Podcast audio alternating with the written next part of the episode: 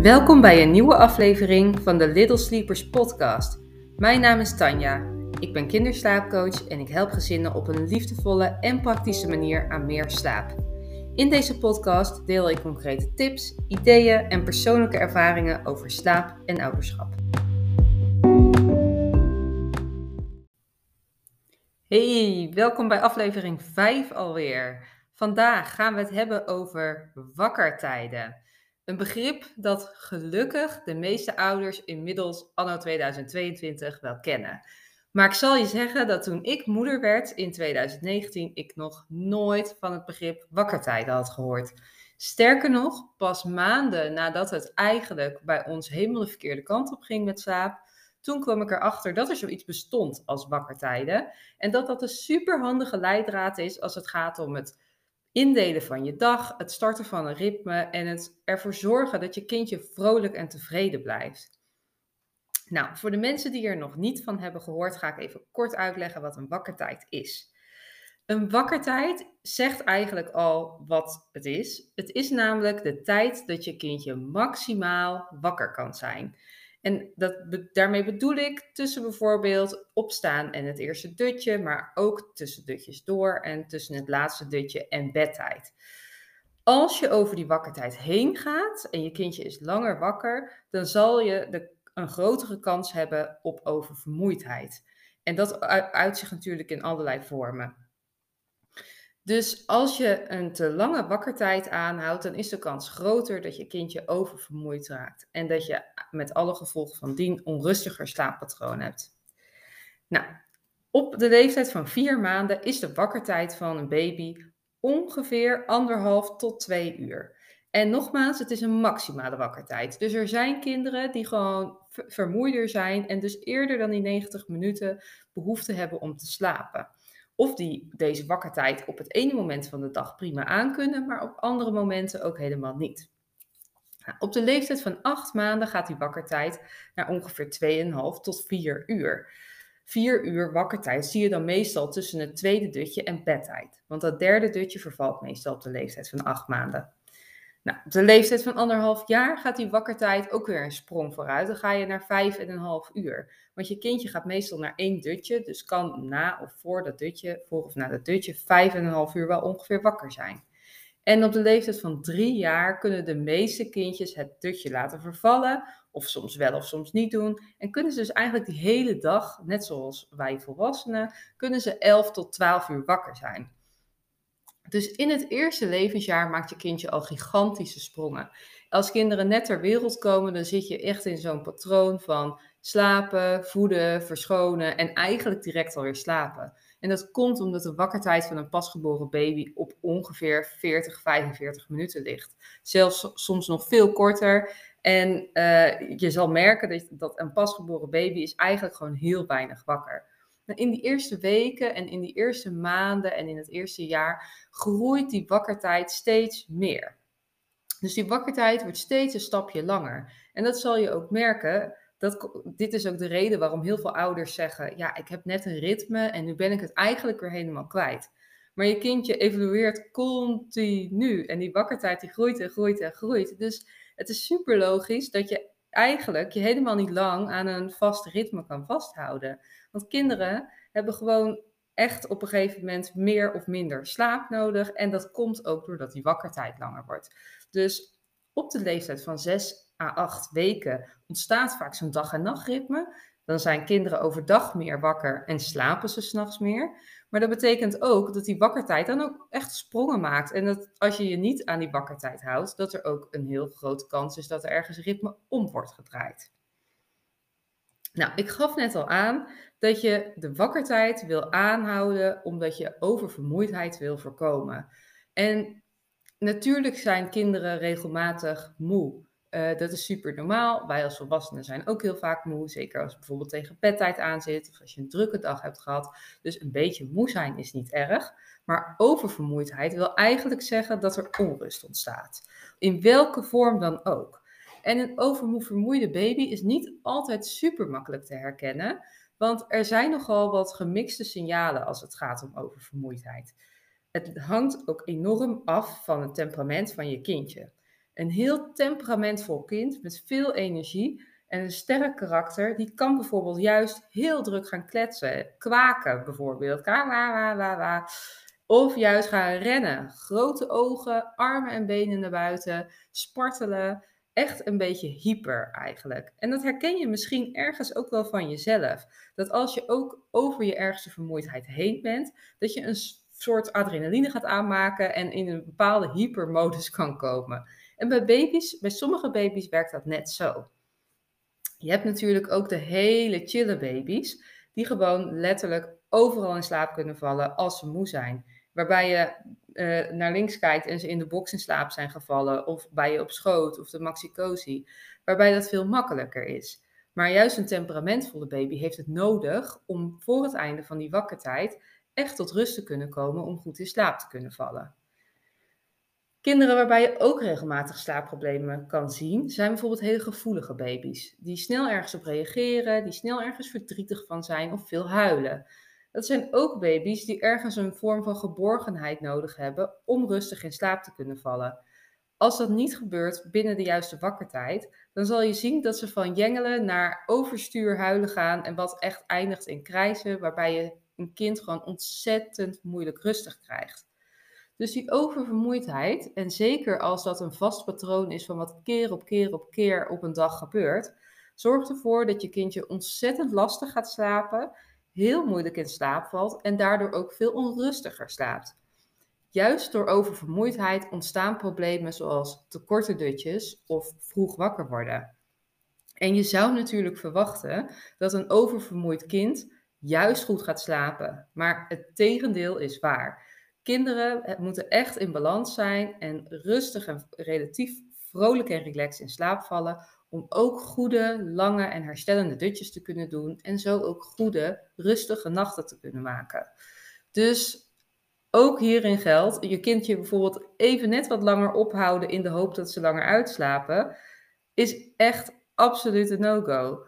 Meestal bij kinderen die vroeg wakker worden, helpt juist nog iets eerder naar bed brengen, omdat de kans groot is dat er oververmoeidheid speelt. En oververmoeidheid, dat vermenigvuldigt zich eigenlijk gedurende de dag als die oververmoeidheid niet wordt weggehaald. Dus je krijgt een soort domino-effect van hazenslaapjes. En een hazenslaapje is eigenlijk een dutje van 30 of 40 minuten. Dus je moet het zo zien, als je de dag eigenlijk al oververmoeid start vanwege een slechte nacht en je kindje is te lang wakker, gaat weer vermoeid slapen voor het eerste dutje, dan wordt dat dutje waarschijnlijk een kort en rommelig dutje met veel onrust. Vervolgens wil je je kindje weer die wakkertijd aanhouden of ga je er zelfs iets overheen, met als gevolg dat het volgende dutje eigenlijk nog iets onrustiger wordt, waardoor je je kindje uiteindelijk moeilijker in slaap krijgt, er onrust ontstaat en je kindje eigenlijk bij bedtijd compleet oververmoeid is. Vaak zie je dan ook hele onrustige avonden, waarbij kinderen bijvoorbeeld heel veel behoefte hebben aan in slaap gewiegd worden, clusteren, waarbij er echt veel onrust en krampjes zijn. En natuurlijk kan het zo zijn dat je kindje echt ergens last van heeft, maar heel vaak zijn dit soort momenten ook echt uh, fases van onrust, omdat gewoon de prikkels en vermoeidheid van de dag niet meer zelf weg te krijgen zijn. Dus het is super belangrijk om eigenlijk al vanaf de start van de ochtend de basis te leggen. Hoe weet je nou of je kindje oververmoeid is? Nou, in eerste instantie heb je dus die wakkertijd. Hè? Dat is echt de stap 1. Maar zeker tot aan de leeftijd van 6 maanden zijn slaapsignalen van baby's leidend. En er zijn een aantal hele bekende slaapsignalen. Dus dat wil zeggen jengelen, in de ogen wrijven, gapen, nou, het zijn allemaal signalen die wij als ouders of überhaupt gewoon wel zullen herkennen als, nou, dat is echt een duidelijk slaapsignaal. Maar vaak zijn er voor die slaapsignalen ook nog andere signalen die al aangeven dat je kindje vermoeid raakt. Een hele belangrijke daarvan is bijvoorbeeld wegkijken. Dus als je kindje jou niet meer enthousiast in de ogen kijkt, maar naar links of naar rechts of gaat staren, een beetje afwezig, een beetje ja, neutrale blik, is eigenlijk een van de eerste slaapsignalen.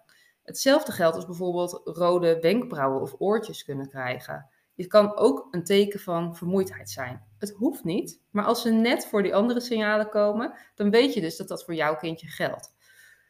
Um, andere dingen die, die uh, er, er zijn heel veel signalen die eigenlijk kunnen aangeven dat je kindje moe is. Simpel als dat. En eigenlijk, als je niet helemaal zeker weet wat die signalen zijn, wil ik je aanraden om eens eigenlijk je kindje 15 of 20 minuten voor het einde van de gemiddelde wakkertijd in de gaten te gaan houden. En eens te gaan kijken wat je kindje laat zien. En ook wat zijn de signalen die je eigenlijk al observeerde vlak voordat uh, de echte slaapsignalen ontstonden, die, die je al duidelijk herkent. Dus bijvoorbeeld onrust, jengelen, gapen. Dus wat zat daar eigenlijk voor? Zag je toen een verandering in het gedrag van je kindje? Want eigenlijk is dat moment het moment dat je je kindje in bed wil hebben. Dan is je kindje nog vrolijk, dan is je kindje nog relaxed. En de kans is groot dat als jij dan je bedtijdritueel luister vooral de vorige podcast even. Als je je bedtijdritueeltje hebt gehad, dat dat dan het ideale moment is voor je kindje om in slaap te vallen.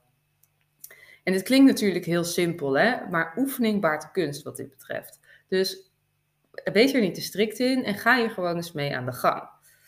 Ik kan me voorstellen dat je nu denkt, ja, hoe weet ik wat de juiste wakkertijd is van mijn kindje? Waar vind ik dat? Nou, op mijn website vind je een, een gratis e-book waarin dit allemaal beschreven staat. Je gaat gewoon naar www.littlesleepers.nl slash e-book en daar kan je hem downloaden. En ik zal het linkje ook even in de beschrijving van deze podcast zetten. Dus dan kan je er meteen naartoe. Je vindt daarin in dat e-book ook overigens 10 tips om de slaap van je kindje te verbeteren. Je vindt er hoeveel dutjes op welke leeftijd geschikt zijn en hoeveel uur je kindje overdag ongeveer zou mogen slapen. Daarover allemaal later meer, want dat past niet in één podcast van 15 minuten.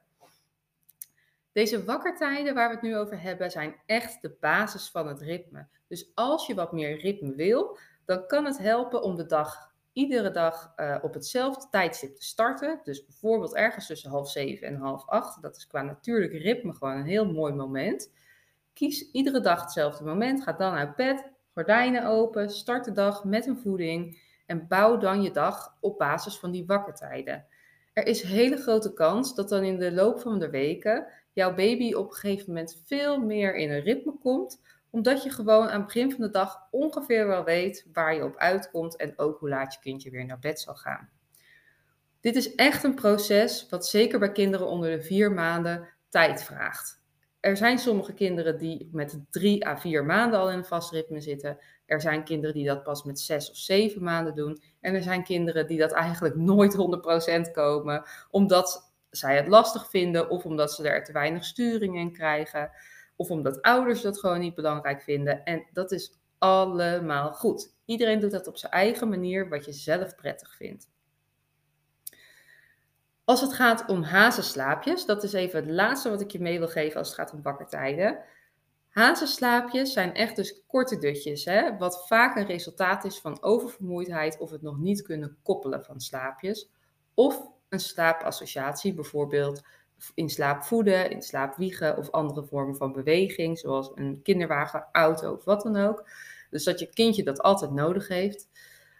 Als je kindje om wat voor reden dan ook korte dutjes doet, wees je er dan bewust van dat de wakkertijden die meestal zijn aangegeven te lang zijn.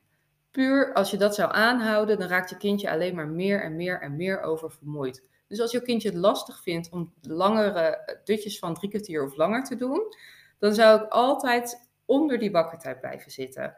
De wakkertijd is echt het maximale en niet iets wat je aan moet houden of terwijl je kindje al moe wordt. Dus als de wakkertijd voor, zoals een baby voor vier maanden, op anderhalf uur staat, maar jouw kindje doet korte dutjes en wordt na een uur alweer moe, lekker naar bed doen.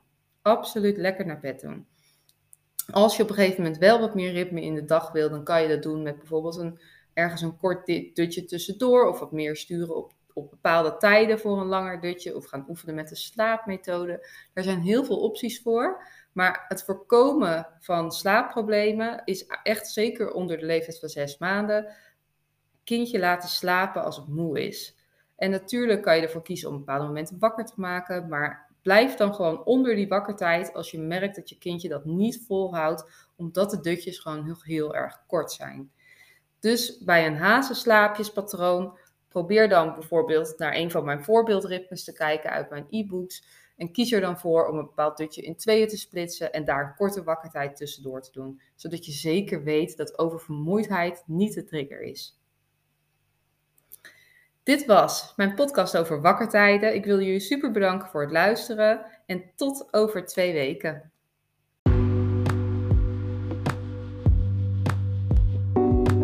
Onwijs bedankt voor het luisteren. Hopelijk heb je veel ideeën om meer rust en energie te creëren voor jouw gezin. Laat het me weten. Deel iets over deze podcast op social media of tip hem bij je vrienden. Graag tot de volgende keer bij de Little Sleepers podcast.